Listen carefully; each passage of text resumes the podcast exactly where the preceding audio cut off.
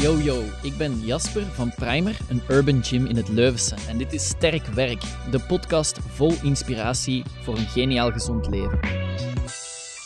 Welkom bij Powerlifting Pros. Als deze de eerste aflevering is die geluisterd, vergeet zeker de voorgaande niet even te checken, want we hebben al ongelooflijk interessante info verzameld in deze reeks.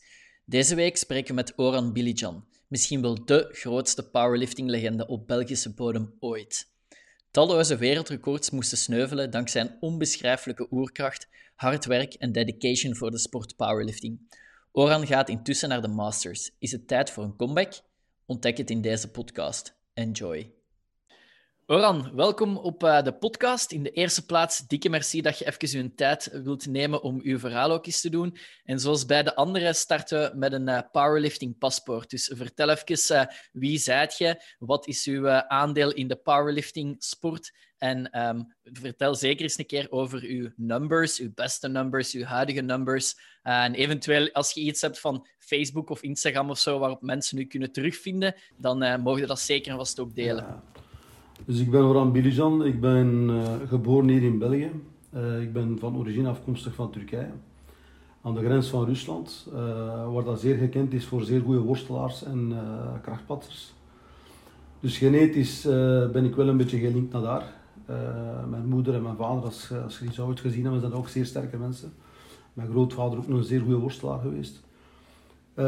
dus op mijn jonge jaren konden zien dat er iets niet klopte. Hè. Dus als ik iets trok of duwde of, of, of, of uh, in een spel met kinderen of iets worstelen, dan zagen ze wel dat er iets, iets anders was dan, dan gewoon. En zo ben ik ooit in Gent bij Tom Goegebuurt terechtgekomen. Uh, dus de, zijn vader was toen, ik denk dat, dat hij Richard noemde, denk ik. ik ben niet zeker, maar ik denk dat hij Richard noemde. En dat was in Blaarmeesen in Gent, dat is een demonstratie aan toe waren. En zo ben ik in die demonstratie, uh, door de publiek dat er ook was, dat zei van probeer een keer eens. En zo, dan hadden ze gezien van oei, uh, dat, is, dat, dat kan toch niet dat dat de eerste keer dat hij dat, dat, dat, dat, hij dat doet. Maar geen dat me toen enorm, uh, enorm de powerlifting eigenlijk aangetrokken heeft, dat was eigenlijk Wim Melijn. Voor een extreem mager manneke kon hem echt extreem zware gewichten tillen.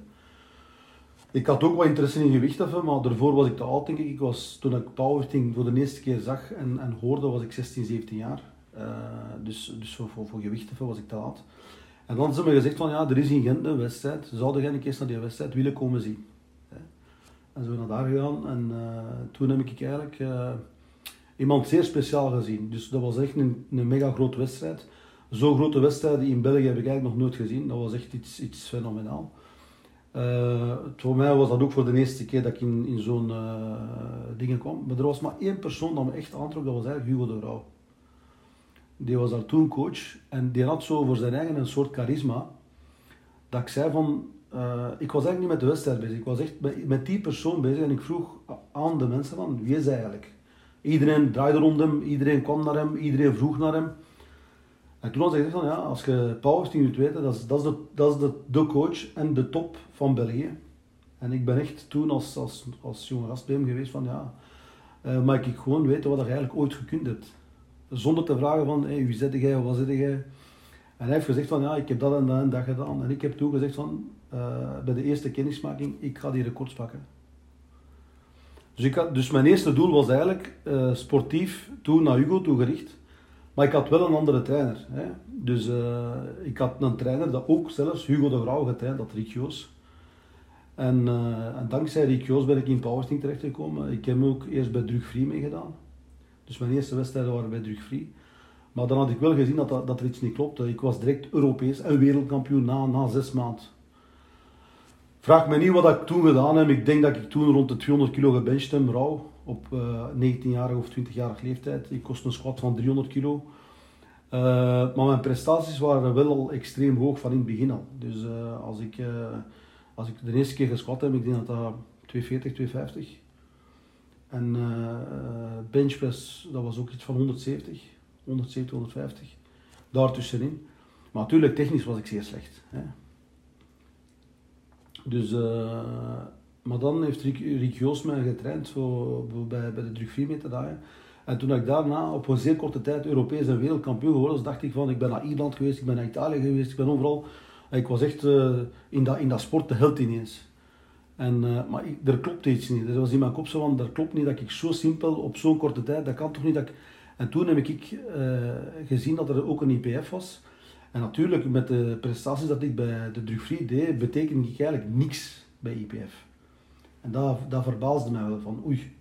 Hè, uh, dus eigenlijk heb ik me precies een beetje bedrogen om, om daar mee te doen, en terwijl dat er andere sterkere mensen zijn. Maar natuurlijk hoorde wel direct van Oran, als je ooit daar gaat meedoen, dat is allemaal gedopeerd. De niveau ligt daar veel hoger. En ik heb eigenlijk wedstrijd beginnen draaien. En op een gegeven moment ben ik tegen iemand verloren. Uh, dat was een jongen die uit de Wallen kwam. En uh, ik was veel sterker dan hem. Maar technisch was, was ik veel achter dan hem. Dus mijn squat techniek was niet goed. Of mijn deadlift techniek uh, was niet goed. mijn benchpress was goed, maar ja, het was touch and go en wat is het allemaal. En toen ben ik tegen hem verloren. En die een dag heeft eigenlijk een trainer dat mij trainde, heeft mij eigenlijk in de steek gelaten. Hij is gewoon van de wedstrijd weggegaan, omdat ik eigenlijk tegen die gast verloren was. Maar de reden erachter was, de persoon dat die gast getraind had, was Hugo de Grauw. Ja, dus, uh, en dan ben, ik dan ben ik even gestopt met powertraining, ik denk drie, vier maanden gestopt. En dan ben ik bij de Hugo gegaan, ik heb gezegd, Hugo, ik wil in deze sport echt ver geraken. Hè? Wilde jij me trainen? Ja, natuurlijk, uh, als je 300 kilo kunt squatten toen, hè, dan moest ik beginnen met een lege. En dat, dat heeft me wel een beetje, een beetje gestoord van alleen, waarom moet ik met een lege trainen terwijl ik veel zwaarder. Maar natuurlijk, Hugo is iemand die is technisch, moet het goed zijn. En hij heeft me zodanig uh, goed getraind, echt met mij bezig Ik ben er ook, ik ben er ook zeer dankbaar voor. Uh, heb ik eigenlijk grotendeels geleerd van Hugo. Hè. En natuurlijk, met, met de tijd dat dat voorbij gaat, zie je wel dat de technieken veranderen, kledij veranderen. Equipped uh, was toen echt in belangstelling, dat is niet gelijk als nu de, de rouw. Toen waren we meer met equip bezig om, om een idee te geven. Uh, ik kon toen, een, een oh, toen ik bij IPF draaide, kost ik uh, het beste dat ik gedaan heb bij 110 kilo dat was 290 benchpress of 285 benchpress. Dat was zoiets equipped. Maar kun je dat geloven dat ik toen ook 230, 240 rauw benchpress kon op 110 kilo. Maar ik, je, je kon dat niet zeggen. Je kon niet zeggen, ik kan 230 kilo benchpress. Oei, die haalt 50 kilo uit zijn pak. Ik dacht ook toen van, ik haal er extreem veel uit. Maar nu dat ik het weet, iedereen haalde toen op dat niveau eruit. Maar toen waren we wel beschaamd om te zeggen, ik kan 230, 240 benchpress rauw. Omdat, omdat dat zo precies... Maar als ik nu weet wat dat niveau rauw is, was dat ook wereldtop. Maar toen, maar toen wist je dan niet van, oké, uh, wat ik doe is wel sterk, maar ik haal wel 50. Dus dat was, uh, je wou dat niet zeggen wat je eruit haalde. Maar uiteindelijk zie je wel, iedereen haalt wat uit de pakjes, maar het is wel zo, als je, als je aan mij zou zeggen, van Oran, wat zie je graag? Ik zie equipt zeer graag. Waarom? Omdat daar enorm veel techniek is. Uh, ook het gebruik van pakjes, kniebanden. Je bent meer een team. Want er is iemand dat, dat alles moet doen. Hè. Je kniebanden moet aandoen, uh, je pakjes moet aantrekken. Je zit daar met een grotere team en je gaat er echt met een grotere team naar daar. Met een rouw kun je perfect alleen gaan. Hè. Dus de, de, de, dat is wel een beetje anders. Uh, en dat is eigenlijk wat ik eigenlijk van over powerlifting kan vertellen. En wat ik ook dankbaar ben aan Hugo. ik heb toen toelating gevraagd aan Hugo, mag ik een eigen club open? Eigenlijk zitten we ook niet ver van elkaar, ik denk een 7, 8 kilometer. Hij heeft toen ook gezegd van oké okay, Oran, doe maar. Hè. Natuurlijk was dat wel raar, je verlaat je trainer. Maar ik heb Hugo nooit, nooit verlaten als trainer. Is altijd, als ik morgen een internationale wedstrijd zou doen, als ik iemand mag kiezen, is dat nog altijd Hugo. Hè. Dus, uh, en, en dat zie ik wel in de, in de generatie van nu, van de, van de atleten dat nu komen, dat die respect van, van wie komen van wie hebben we het geleerd en naar waar gaan we. Hè. Dat is er niet. En, uh, en ik kan ook zeggen dat het niveau in powerlifting in België ook terug schoon omhoog aan het gaan is. Want als je vroeger in mijn tijd begon en je zei van ik doe squat of ik doe powerlifting, niemand begreep dat. En als je dat nu ziet, dankzij de crossfit, dankzij meerdere clubs. Uh, je hebt er juist ook, voordat we begonnen, hebben we dan een interview gezegd van ik ben nooit bij u geweest. Hè. In mijn club zijn er echt veel mensen geweest. Maar ook veel coaches geweest. Dus iedereen dat in mijn club getraind heeft, is nu een coach. Daaraan denk ik dat HNS een zeer goede vruchten afgegeven heeft voor powerlifting. En ik heb ook iedereen geboost van, doe meerdere clubs open. Als, als het alleen in HNS zou gedraaid hebben, dan zou powerlifting nu niet staan waar het er nu stond. Dus ik heb eigenlijk aan, aan mensen, gelijk als uw coach dat je vernoemd hebt, uh, van kijk, doe eigen club open. Uh, Steven Monsier heeft zijn eigen club open gedaan, Kat heeft zijn eigen club open gedaan. En zo kunnen we groeien. En eigenlijk moeten we groeien ook. Hè. powerlifting is ook, nu met de corona, je voelt dat ook, het is geen individuele sport. Je, je mist echt je, je, je mensen rond je, je mist echt dat dat, dat een sport is dat je eigenlijk in een teamverband moet doen. Of anders blijft hangen dat is geen ook kan uitleggen over powerlifting. Super, super interessant. Mega interessant. Uh, heel wat verhalen die ik zelf ook niet volledig wist. Um, in welk jaar ongeveer zet je gestart met HNS? Uh, HNS zou nu toch een 12 jaar geleden zijn. Ik kan niet exact zeggen welk uh, datum, maar ik denk uh, als we nu in 2020 zitten, pakt rond 2009, 2008. Ja, en want hè, ik ben zelf al in de ruimte geweest. Was het meteen de volledige gym zoals die nu is? Of is daar ook wat uitbreiding en zo aan te pas gekomen? Nee, we zijn, we zijn echt zeer klein begonnen. We zijn echt zeer klein begonnen. Ik denk dat uh, het een derde was van wat het nu is. Hè. We hadden maar één squat rack. We hadden maar één deadlift plateau. Uh, en we zijn zo begonnen eigenlijk. En, en, als je het nu kijkt, ja, het is nu, de, de is veel ruimer. Uh, natuurlijk, er zijn nu uh, soms zaterdag en zondag is dat zelfs te klein. Dan zijn we aan het denken van kunnen we nog uitbreiden. Mm, maar aan uitbreidingen denk ik niet meer. Ik denk dat nu de capaciteit wat nu is, dat genoeg is dat er ook in België genoeg powerlifting clubs zijn. Hè.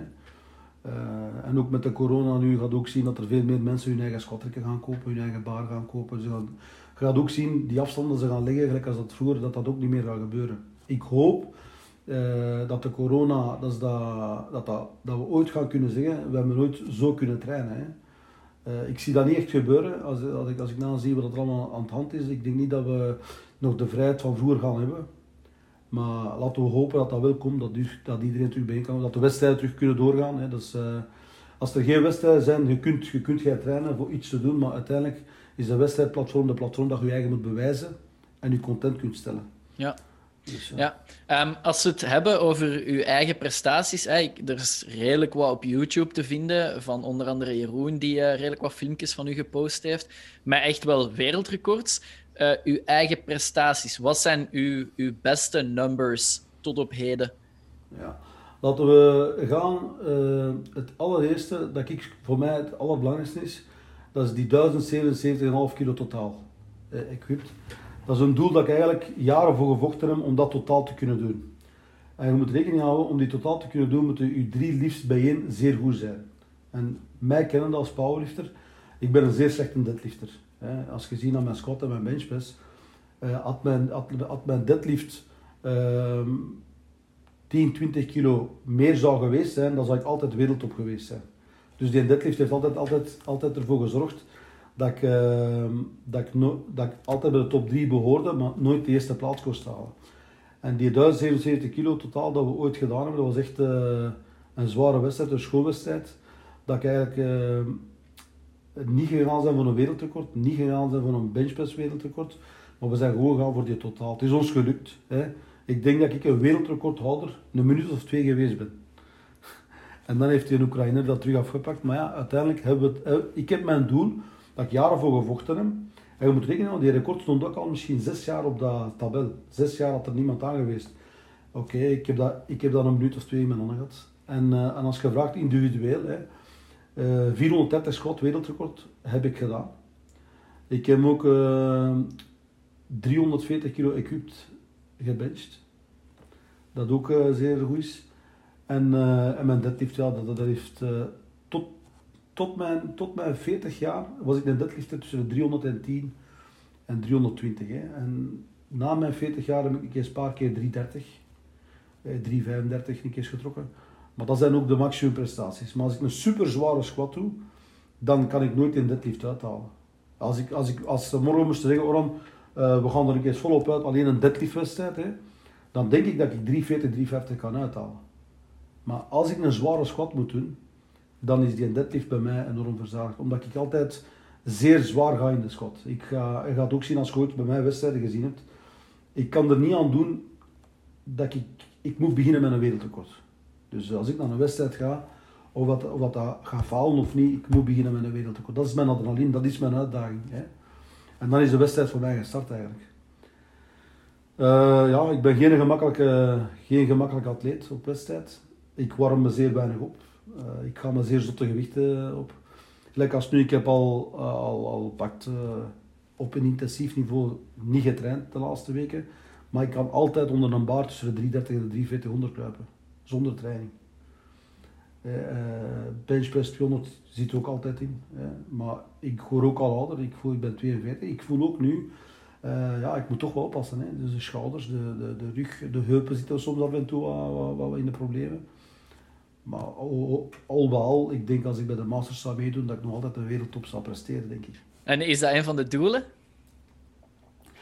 Uh, nu, nu dat we toch al een jaar, een jaar en een half niet echt op de wedstrijd meegedaan, is er toch zoiets dat prikkelt. Dat echt van, oh, eigenlijk bij de Masters kun je echt uh, uh, top presteren. En ik denk, als ik bij de Masters zou meedoen, bij de Equip, dat ik terug een wereldrecord squat officieel op mijn naam ga zetten. Maar wel de opener, hè. dus de 430. Dat capaciteit zit erin. En dan het enige probleem, het enige probleem is mijn gewicht. Oké.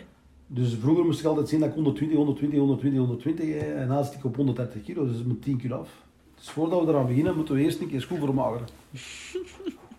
Oké, en dus op dit moment stel hè, dat je zegt van ja, ik ga toch gaan hè, voor, de, voor de Masters en een wereldrecord daar. Zou je, of, of, of is er een soort van coaching die je terug zou nemen? Ga je opnieuw de Hugo aanspreken? Of? Als Hugo uh, is, een, is een, een coach dat ik graag zou willen hebben. Er is ook natuurlijk een persoon, uh, Johan uh, Kermans, waar ik ook jaren mee train. Hij is bij mij begonnen als atleet, een grote tijd ook als coach. Hè. dat, is een, ja, dat is bij mij nummer, nummer, nummer Hugo is nummer 1. Hè. Zelfs aan Hugo kun je geen getal geven, want Hugo is nummer 1 voor iedereen. Hè. maar Johan Kermans is ook een coach dat ik graag bij mij zou willen hebben.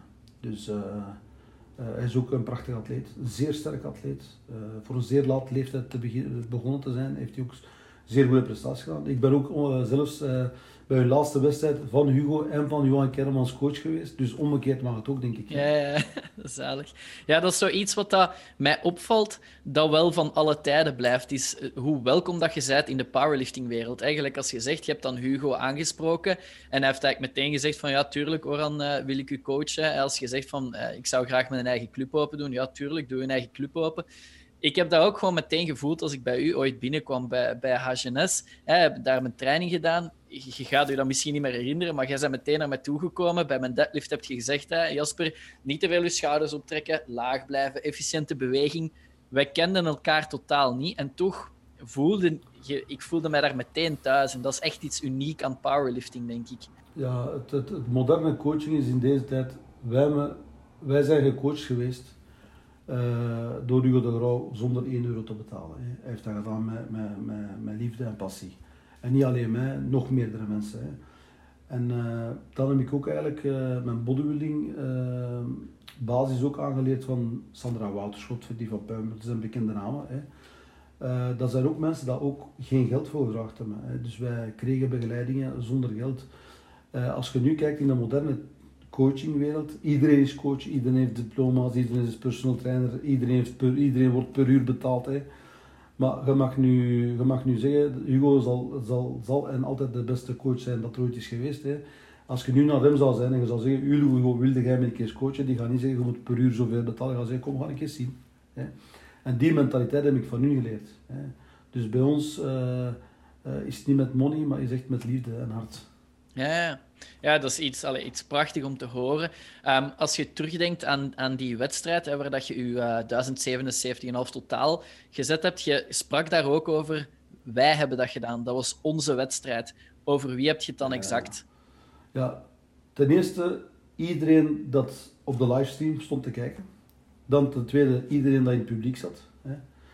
Uh, ik denk ook dat ik ook een atleet ben dat, dat over wereldwijd graag gezien wordt. Hè. Als ik dan een wedstrijd ga doen, gehoord aan de livestreams, uh, gehoord aan het publiek. Hè. Ik ben iemand echt heel publiek aantrekken. Maar natuurlijk, de allerdichtstbijzijnde mensen, dat is uw coach, uw trainer, hè. dat is uw, uw vader, uw kinderen, iedereen rond u. Uh, ja, je, je, je echt een team, je voelt dat. Je voelt op dat moment, je bent niet meer individueel aan het liften. Je bent echt met, met, met je voelt de, de mensen hoe dat die roepen, je, voelt de spanning, je voelt mensen dat niet ademen. Uh, het was een prachtige wedstrijd, ja. En ik denk uh, dat, dat uh, als je een team zegt, gelijk als Jeroen van Eesveld, als het erop aankomt, dan heb je Steve Ringoot, als, als morgen wedstrijd is, dat kan zijn hè, dat, dat op een Belgisch kampioenschap dat je kop aan kop staat, hè, twee testos tegen één of wat is het allemaal. Ik ben al een oudere garde, maar als het op internationaal niveau gaat, zijn we één. Hè. Dus uh, dan zie je uh, de Kolar, uh, dan zie je Miriam, dan zie je iedereen. Ja, iedereen is daar voor, voor het land zelf. Hè. Dus je doet daar een match, dat is een match dat je niet voor je eigen doet, maar dat je het voor het land doet. Dus dan is dat een team. Ja, dat is, dat is echt prachtig om te horen. Ik krijg er een klein beetje kippenvel van. Um, als je, je hebt al een aantal namen nu genoemd, buiten de Hugo. Zijn er nog mensen, en dat mag zeker ook internationaal zijn, waar dat je echt zegt van daar heb ik altijd naar opgekeken? atleten, coaches? Ah, op, op een internationaal niveau uh, opgekeken nooit. Want uh, waarom? Mijn niveau, mijn niveau zelf op wereldtopniveau was ook zeer hoog. Maar wat ik wel uh, in de tijden dat, toen ik begon, hè, dan hadden, ik ben slecht in namen onthouden, dat de uh, Russen, Oekraïners, Papazov, hè, dan was er nog een, dat nu in een andere federatie, ja, die kostte fenomenaal squats doen. Dat voor ons wauw was, maar als je nu ziet, die squats dat, zij, dat toen wauw was, dat kan ik nu ook dus als je een squat zag van 400 kilo, was dat al spectaculair. 400 kilo, dat was een gewicht van wauw. Maar als je dat nu ziet, 400 kilo zijn er mensen dat daar rauw erover, dik erover gaan. Dus uh, persoonlijk op een naam kan ik niet zeggen, want ik, ik was erin een beetje egoïstisch en, en ook ja, ik had, uh, ik had wel iets dat ik, dat ik wel in mij had, omdat ik weet op de topniveau dat er meedraaide zijn, zijn zeker de Oostbloklanden ja, die zijn niet clean. Hè. en, en er worden met de tijd al, al de jaren dat ik al meegedaan heb, zijn ze al dikwijls geschorst, het heel het land. Hè. Dus dat is al twee keer dat ik, al, dat ik het al meegemaakt heb, dat ik dat gezien heb. Maar mijn doel was altijd van, ik ga die mannen moeten kunnen kloppen clean. Ik moet die mannen kunnen kloppen clean. Ik moet die man... Uiteindelijk is me dat ook gelukt. Hè. Als ik daartoe kwam, kost ik de chic in hun ogen zien. En, uh, maar je mag ook zeker weten, ik denk, uh, als je aan Hans Koolman vraagt, Hans Koolman, Hoeveel keer is Oran gecontroleerd? Ik kan dat niet op tien vingers stellen. Ik denk dat ik meer dan 100 keer gecontroleerd ben geweest. In België zijn de controles wel zeer streng. Hè. Ze zijn er ook zeer goed mee bezig. Maar het spijtige is, het zal, ze zal dat ook omgekeerd ook mogen doen. Dan gaat, dan je zien dat België eigenlijk een zeer uh, sterk land is om te kunnen presteren. Want er zijn zeer prachtige atleten. Maar je moet wel rekenen, doet, je doet wedstrijd tegen machines. Je luistert naar Sterk Werk, de podcast van Primer, een urban gym in Leuven. Zometeen meer pro-tips, maar ik wil er ook even van profiteren om het harde werk van onze eigen coaches in de verf te zetten. Dankzij hun inzet en harde werk bieden we nu terug volledig open gym aan, naast onze outdoor en online groepsessen. Ook om materiaal te huren kun je nog steeds bij ons terecht. Voor meer info stuur ons even een mailje op info@primeracademy.be. Stel, we hebben het daarnet al wat gehad over de mensen die nu starten. Ehm, met de verhalen die je nu vertelt, wat is een tip die je zou willen meegeven aan mensen die nu met powerlifting starten? Ehm, ik, zou, ik zou ten eerste, als je met powerlifting start, dan zou ik eerst dan al naar mensen gaan dat echt al iets bewezen hebben. Hè? Uh, en dat, dat, dat moet niet per se uh, Hugo of Oran zijn, want in, in tussentijd zijn er ook nu al atleten dat eigenlijk als Alan Peters, hè, je hebt ook Jeroen van Eesvelde, je hebt, je hebt Kathleen, je hebt uh, in Leuven onze kinesist en, en ook de, de naam dat je er juist genoemd hebt, die Jannik, Jannik ja, dat zijn ook al mensen die al iets kennen. Hè. Ik ga zeggen, ik leer ook elke dag iets bij. Ik ben 42 jaar en, en, en met de tijd dat ouder te worden, leerde ook zelf ook iets dingen bij. Elke dag leer je iets bij. Maar het allerbelangrijkste is, geef enorm veel belang in je techniek. Oké. Want soms, je kunt sterk zijn, je kunt krachtig zijn, je kunt dingen stillen, maar het allerbelangrijkste is je techniek. Als de techniek goed onder de knie zit, en je techniek moet je ook dikwijls bijschouwen. Het is niet van, ik ken het, nee. Als je video's opneemt, als je die hadden zien, ai, daar zit ik iets verkeerd, Oei, dan kan ik aanpassen.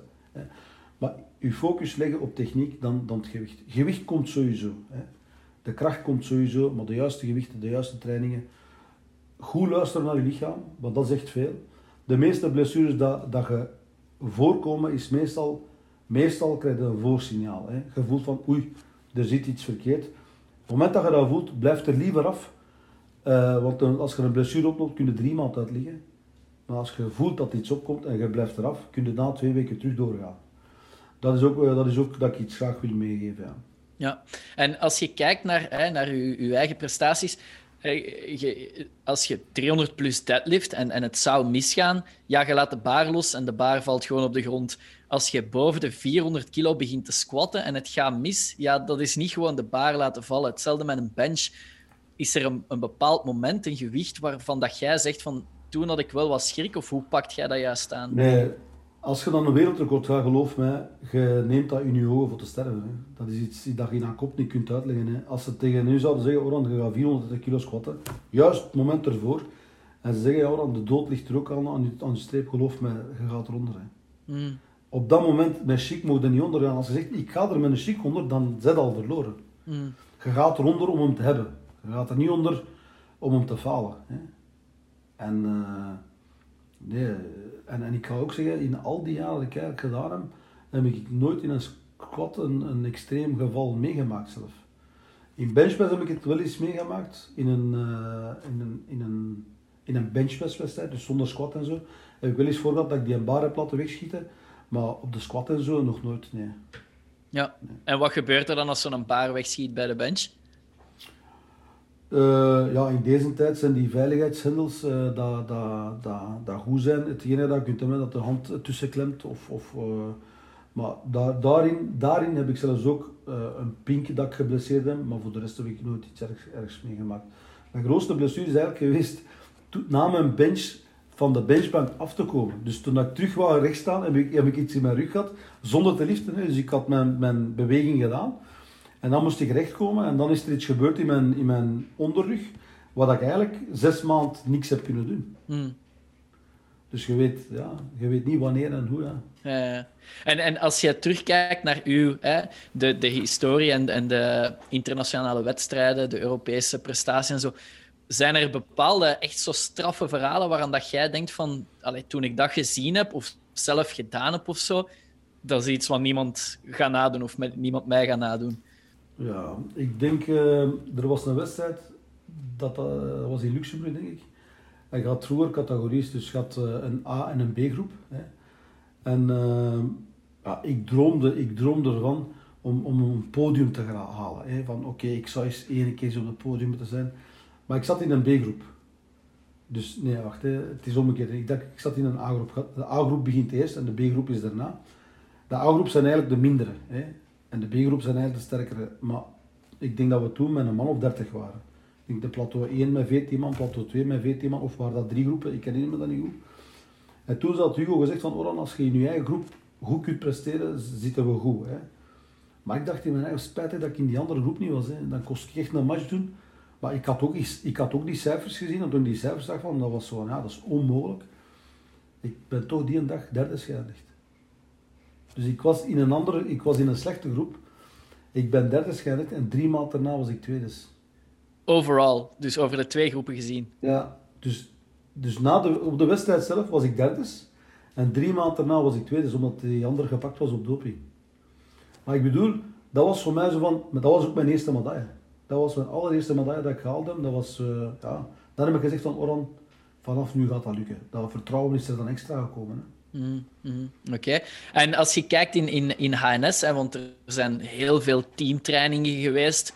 Ja, hè, je bestaat ondertussen met HNS ook al meer dan tien jaar. Is er iets waarbij dat je zegt van dat is een moment van vroeger en ja, of het nu is omwille van corona of niet, maar dat gaat er nooit meer zijn. Of dat hebben we, dat is iets, een prestatie die ik toen gezien heb of gedaan heb, of iemand hebt zien doen of zo, die je zelf gecoacht hebt? Als, uh, toen ik de eerste jaren mijn fitness geopend, dan moet rekening houden, ik ben echt met, met beginners begonnen. Hè. En toen ik met de beginners begonnen ben, was ik meer trainer. Ik was trainer en coach en atleet. Toen was ik ook actief bezig. Dan moest ik met iedereen bezig zijn, ik een schema's uitschrijven, wat is het allemaal. Maar met de jaren tijd, als je nu op een zaterdag of een zondag komt, ga je zien, oei, het zijn allemaal...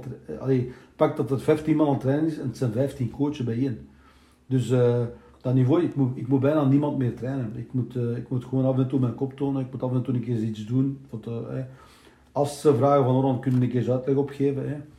Maar, maar natuurlijk, uh, als je zegt talenten, ja, Lieve de Sadler, dat is een talent. Dat, dat ik echt van, van zeg van, die heeft echt ver gebracht. Dan heb je Jeroen van Eesveld, die is bij mij gekomen van Tom Hoegebuurt, maar die was al talent. Die, zijn niveau was al goed, die jongen leeft echt voor de sport. Dan heb je uh, Johan Kermans, hè, dat is een master. Uh, die was bij mij gekomen, ik denk dat hij toen 40 jaar was. Hij is op zijn 40 jaar begonnen en, en, en die mens heeft ook zijn doelen behaald. Dan heb je Jonathan Kermans, die is er momenteel niet. Uh, ook misschien met de corona en zo en omwille van bepaalde situaties. Heeft ook op internationaal niveau meegedraaid. Ik kan eigenlijk meerdere namen noemen. En als ik nu namen nog vergeet te op te noemen, dan zeg ik Oran, oei, uh, je hebt mijn naam niet vernoemd, ben ik juist ervoor. Hè. Maar Agenes heeft echt, echt toppers, toppers. En heeft nog altijd toppers eigenlijk. Mm, mm, mm. Oké. Ehm, en voor de toekomst, hè, wat betreft powerlifting, uh, we zitten nu met corona, dus het is sowieso even iets moeilijker. Je zegt voor jezelf, je zou eventueel wel uitkijken naar de Masters. Hoe zie jij de sport verder nog groeien? Ja, in België, in België gaat powerlifting, als de corona's uh, voorbij gaat, de, de generatie, de jeugd, die is echt gemotiveerd. Je ziet dat. Um, er zijn ook veel meerdere clubs. Vroeger, als je powerlifting wou doen, je moest echt ver rijden. Nu kun je in elk gemeente of stad kun al, al powerliften. Ik denk dat powerlifting op zijn eigen wil gaan groeien. Het ene dat ik uh, uh, graag zou willen, dat echt de toppers, de toppers van België, ik noem mij geen topper meer, want ik ben al een bepaald leeftijd gepasseerd, maar andere toppers bijeen. In plaats van naar elkaar met concurrentogen of met haatogen naar elkaar te kijken. Integendeel, om echt als in een team te kunnen werken. Ik vind dat ze, dat sommige, eh, dat gaan er misschien tien mensen zijn, dat kan vernoemen, dat die toch niet eens om de, om, de, om de maand of om de twee maanden eens bijeenkomen, een teamtraining doen. Dat is geen dat België mist. Hè. Atletenzender, clubzender, maar een, een Belgisch team is er nog niet. En als, als je aan mij vraagt, als Miriam ook zou luisteren naar deze, ze zouden belang moeten geven, oké, we gaan hier een Belgische team bijeenstellen. En die tien mensen, die gaan we opvolgen en echt op een proberen op een lat hoger te kunnen brengen. Mm. Er was vroeger geen geld. Hè. En ik denk nu in deze tijd, met, met de volk en de publiek dat er nu is, kunnen ze ook geld arrangeren. Hè. Uh, dat de atleten aan het internationaal niveau gaan toch een beetje ondersteuning krijgen. Dat moet niet veel zijn, maar het is toch een beetje. Hè. Ehm, dat zijn dingen dat ik kan zeggen dat, dat ze kunnen verbeteren eigenlijk. Ja, en dus het, het feit dat je nu zegt hè, van zo'n Belgisch team, op dit moment, de reden waarom dat, dat niet gebeurt, lijkt eerder te zijn nog steeds omdat er geen geld is? Of? Nee, ik denk met de aanpak van nu, met, uh, met, met, met, met, hoe dat Tom Goebuurt, uh, hoe dat uh, Kathleen en Jean-Marc en zo bezig zijn en hoe dat we nu de wedstrijden ook organiseren. Hè. Uh, ik denk dat de, de, de, kas was vroeger altijd nul. Ik denk dat ze nu momenteel een budget hebben, denk ik. Hè. Uh, maar laat staan, uh, er zijn ook in de, in de powerliftingwereld ook, denk ik, zakenmannen die aan powerlifting doen. Dus als, als ze dat schoon kunnen promoten, schoon sponsors kunnen vinden, geld gaan ze vinden nu. Met de capaciteit dat ze nu hebben. Ik denk dat de, de ledenaantal ook serieus gestegen is. En ik denk dat het ook de moment gekomen is van, van, uh, van Mirjam en, en, en Tom Goegebeurt, dat dan ook, dat ze echt naar de minister van de Sport gaan en zeggen van kijk, wij hebben zoveel leden. Uh, u had er juist een vraag gesteld, wat is eigenlijk het toppunt van, van hetgeen dat je hebt? Het toppunt was ook dat ik ook uh, bij de minister van de Sport uitgenodigd was. Dus ik denk dat daarmee ook Powerting een stuk erkend was. Hè, van oké, kijk, Oran we gaan u ook eren, we gaan u iets, iets, iets een, een, een, trofee geven. Dus ik ben er ook geweest bij de minister van de Sport. Daarna is Tom Goebuurt nog geweest. Dus ik hoop dat ze nog verder kunnen, de, de muur kunnen doorboren om subsidies en, en iets te krijgen. En dat ze daarmee ook de atleten kunnen ondersteunen. Ja, als, als, als ik hoor in zo de afgelopen interviews, als het gaat over internationaal en Europees niveau, lijkt dat toch een heel groot verschil te zijn met andere landen. Als je kijkt naar Groot-Brittannië of Frankrijk of zo, dat de ondersteuning financieel daar echt heel uitgebreid is. Ja, maar we, we vergeten wel één ding. Ehm, het was ook 30 jaar geleden omgekeerd. Dan keken die landen naar België van amai. België is hier echt met een team. En België, de atleten van België, dat toen internationaal draaiden, werden ook gesubsidieerd. Mm. Dus waarschijnlijk zijn er dingen misgelopen in boekhouding of wat dan ook. En dat dat dan op een gegeven moment gezegd hebben van dat gaat hier niet meer door. Hè. Uh, maar België stond wel op uh, eh, 30 jaar geleden denk ik op een punt van wauw, uh, ze hadden allemaal dezelfde training, ze werden, de hotels worden betaald, de atleten werden vergoed, maar dan is er iets misgelopen, wat, dat weet ik niet. het is ook mijn zaak niet om, om die boeken open te doen en, te zien. Maar ik denk wel dat met de nieuwe generatie dat nu opkomt, met de nieuwe talenten dat er nu zijn, dat ze echt de kansen moeten gebruiken dat er nu zijn. Hè. Ja, en als je kijkt naar vroeger tegen nu, gelijk als je zegt, vroeger was er eigenlijk bijna alleen maar equipped, of was dat toch voornamelijk hetgeen dat gebeurde. Nu is het een beetje omgekeerd. Denk je dat daar nog een terugverschuiving in gaat komen ooit? Dat er terug meer equipped gaat zijn? Of? Rauw, omdat er rouwwedstrijden zijn, is ook gemakkelijker voor de beginnende atleten. Hè. Eh, je moet rekening houden, de, de equipped kost veel meer. Hè. Het is... Uh, je hebt een trainingssquad nodig, je hebt een wedstrijdsquad uh, dingen nodig, pak nodig. Je hebt voor benchpress een trainingspak nodig, een wedstrijdpak nodig, een pak dat scheurt, een reserve nodig. als je wedstrijd uit, ga je daar op een wedstrijd met, met, met minimum 10 pakjes. Uh, dus op zich is dat een, een, grote investering voor een powerlifter dat juist begint. Maar een powerlifter dat juist begint in een rouwwedstrijd, en er is, een, er, is, er is ook een schoon platform voor de, voor de rouwwedstrijden, dan is dat plezant. Het kost minder. Hè naar de atleet toe en eh, het is plezanter voor in te starten. Natuurlijk, equipped is echt niet gemakkelijk. Hè. Dus de, de technieken, de, de coachingen, de, de paste pakjes, pakjes niet.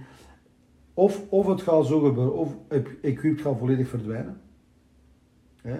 Uh, dat er meer en meer mensen, want als je ziet in België, een equipped doet er bijna niemand aan mee. Ja. Uh, ja, ik kan er echt niet op antwoorden eigenlijk. Op een internationaal niveau gaat dat nog blijven, denk ik, maar op Belgisch niveau gaat dat wel neig verminderen. Ja, want natuurlijk, hè, de wereldtop, als je de World Games, dat is ook nog steeds uh, equipped. Dus dat is iets dat misschien niet zo snel gaat veranderen. En stel dat er hier in België dan minder en minder equipped gebeurt, ja, op een bepaald moment zal er denk ik... Allez, ofwel uh, gaat België helemaal weg uit het wereldniveau op vlak van equipped, eh, ik denk, ik denk wel dat de World Games de stap ook zal nemen denk ik, naar de toekomst toe als ze ooit Olympisch gaat worden. Want met die droom, elk atleet droomt met die droom. Ik heb de World Games één keer in mijn leven meegedaan. Uh, dat is iets spectaculair. Maar ik denk wel dat de toekomst toe dat ze die equipped ook zouden durven. Ofwel gaan ze twee wedstrijden organiseren, equipped en, en RAW. Uh, maar RAW is ook correcter. Waarom? Er is minder hulpmiddelen aan. Hè. En ik denk als dat ooit Olympisch gaat worden, dat, dat ze ook meer naar die rouw gaan gaan. Ja, ja. En als je kijkt naar zo de World Games, hè, de ervaring daar, waar was dat toen? Dat was in Duitsland. Ja. Dat was in Duitsland, dat was niet zo ver, dat was, echt, dat was echt spectaculair. Dat was echt, uh, ik moet zeggen, ik was toen nog maar, nog maar met dat powerlifting juist bezig. Hè. En dat is dat verhaal dat ik er juist vertelde, dat ik in die medailles ineens zat, want ik was eigenlijk niet geselecteerd voor de, de World Games. Ik ben eigenlijk te weten gekomen, ik denk... Uh, een maand voor die World Games ben ik te weten gekomen dat ik mocht meedoen. Dat was echt op het laatste moment uh, dat ze gezegd hebben van Oran, kijk, je mag eraan meedoen, we hebben eraan meegedaan. Ik heb daar eigenlijk uh, een, ik heb daar nul gedaan, hè. gelijk als uh, Oran kennende, ik kan dikwijls niet doen.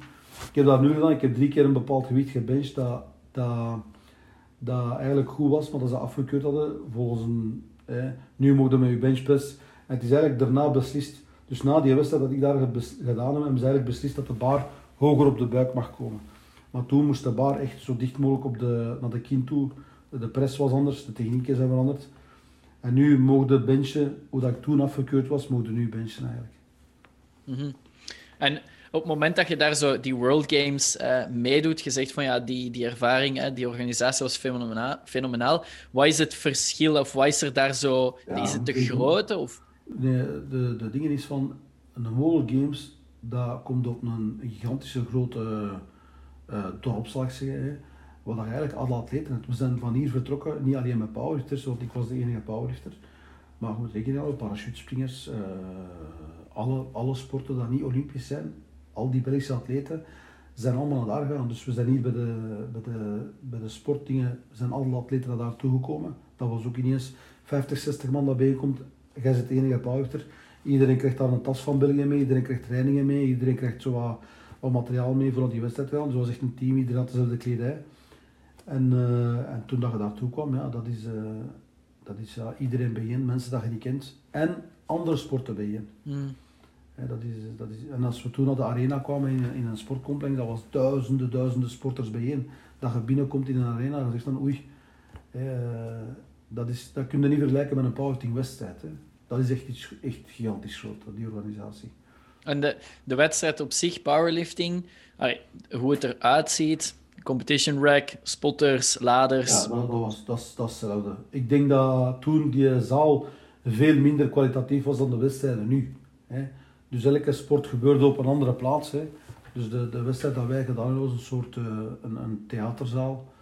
Uh, wat eigenlijk de, de, de, de publiek zat hoger en de atleet zat laag. Dus dat stoort ook je evenwicht.